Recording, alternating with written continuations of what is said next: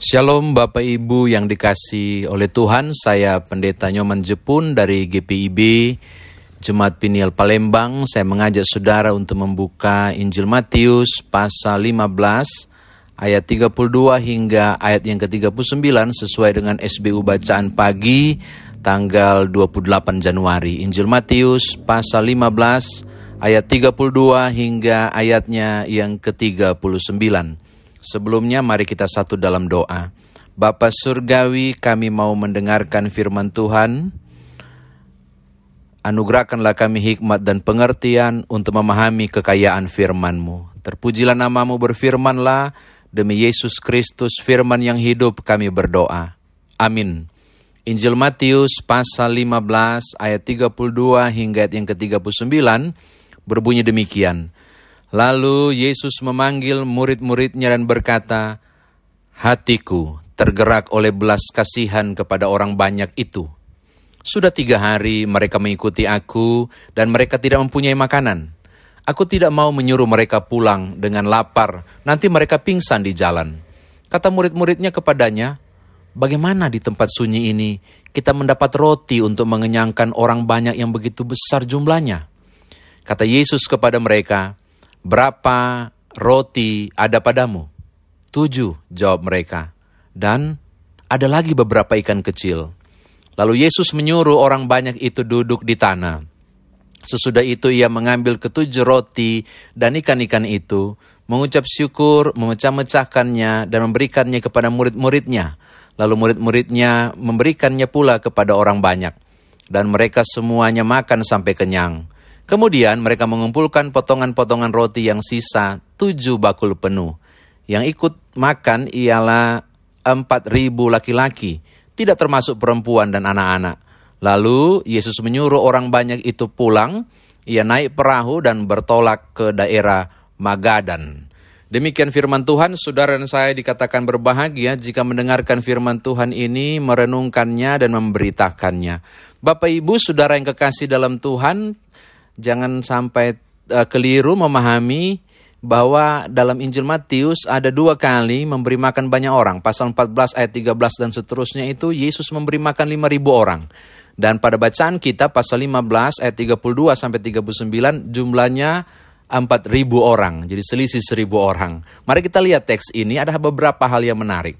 Titik berangkat dari proses memberi makan 4.000 orang dengan tujuh roti dan beberapa ekor ikan ini dimulai dengan hal yang menarik. Tolong lihat ayat 32. Lalu Yesus memanggil murid-murid yang berkata, Hatiku tergerak oleh belas kasihan kepada orang banyak itu. Saudara lihat, ini hal yang luar biasa. Kepedulian itu dimulai dengan hati yang tergerak.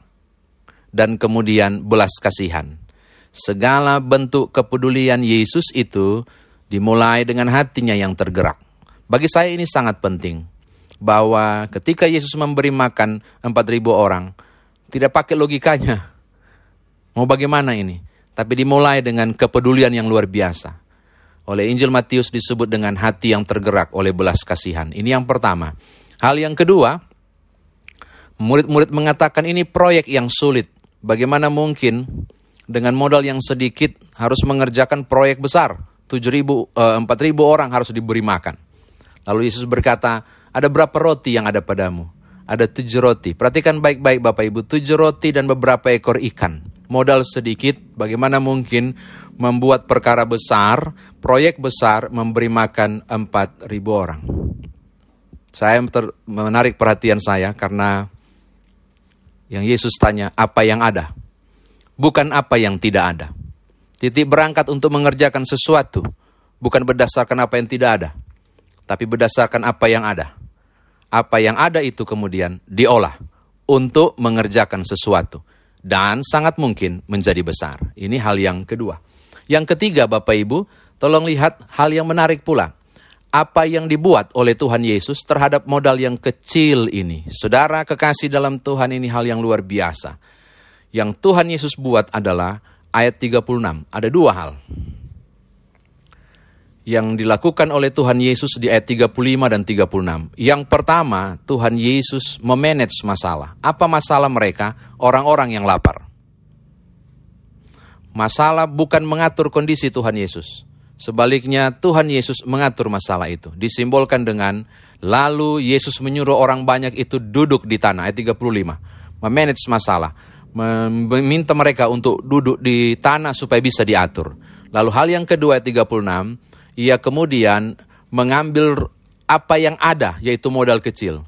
Tujuh roti dan kemudian beberapa ekor ikan mengucap syukur, memecah-mecahkannya, lalu kemudian menjadi sesuatu yang besar. Hal ketiga yang saya mau katakan adalah ada dua hal yang harus dikerjakan.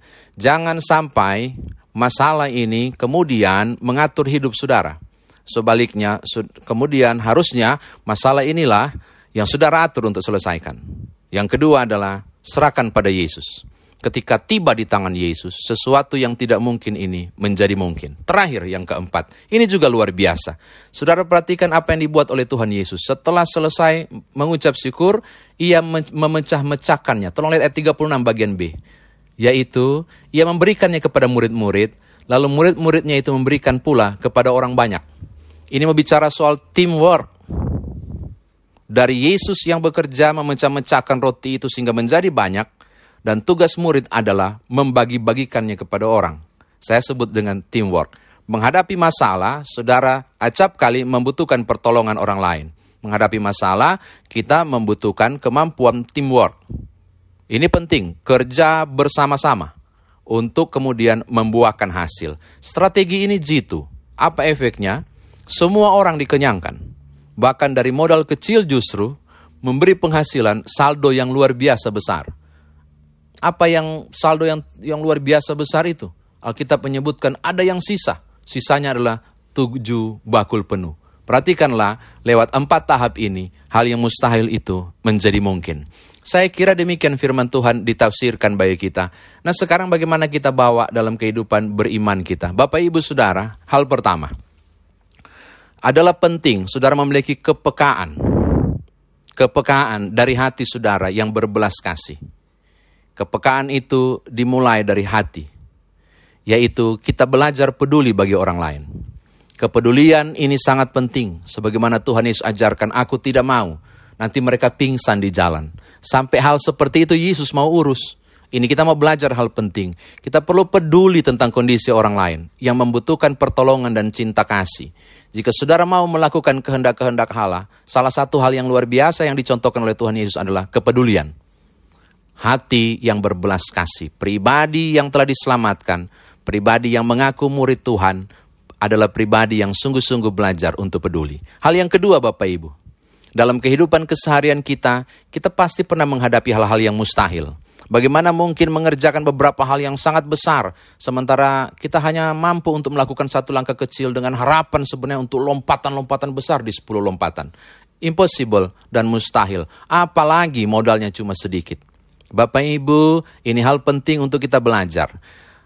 Pergunakanlah apa yang ada, bukan yang tidak ada dulu. Mulailah dari apa yang ada. Yesus mengajarkan, mulailah dari tujuh roti yang kecil. Tujuh roti modal yang kecil. Tapi endingnya menghasilkan hal yang besar. Hal kedua mau dikatakan kepada Bapak Ibu Saudara, ketika Saudara menjalani kehidupan ini, apa pun bentuknya dengan target-target yang Saudara targetkan dalam kehidupan, Penting sekali untuk mengingat bagian ini. Mulailah dari sesuatu yang ada. Olahlah hal yang kecil ini menjadi besar. Bagaimana caranya? Serahkan sebagiannya kepada Tuhan. Serahkan di tangan Tuhan. Saya suka mengatakan ini. Hal-hal yang mustahil, yang sulit saudara kerjakan, hati-hati. Saudara sedang mem mem memasuki wilayah yang tidak masuk di akal.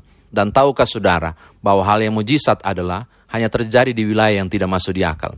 Justru di wilayah mustahil itulah wilayah Tuhan bekerja. Maka bawalah modal kecil itu, jangan langsung digunakan. Apa pun bentuknya, saya kira Bapak Ibu lebih tahu, apa pun bentuknya. Kemampuan kecil, uh, dan apa pun, talenta yang kecil, bawa dulu kepada Tuhan. Biar Tuhan memberkatinya, supaya kemudian boleh berlimpah-limpah dan berguna. Terakhir, saudara perlu dan membutuhkan orang lain untuk menjalani kehidupan, supaya dengan pertolongan orang lain, teamwork yang ada, hal-hal yang mustahil itu pun menjadi mungkin untuk dikerjakan. Belajarlah untuk bekerja bersama-sama. Belajarlah untuk menggandeng orang lain. Belajarlah untuk mengetahui engkau tidak hidup sendiri. Engkau membutuhkan orang lain di sekitar kehidupan saudara. Kiranya dengan itu target kehidupan saudara terpenuhi. Tuhan memberkati Bapak Ibu. Amin. Mari berdoa. Bapa kami bersyukur untuk firman Tuhan yang sudah kami dengar. Sekarang biarlah kami pergi dengan sukacita iman menjalani kehidupan di hari ini dengan percaya. Di wilayah yang tidak mungkin andai kata kami temui hal itu.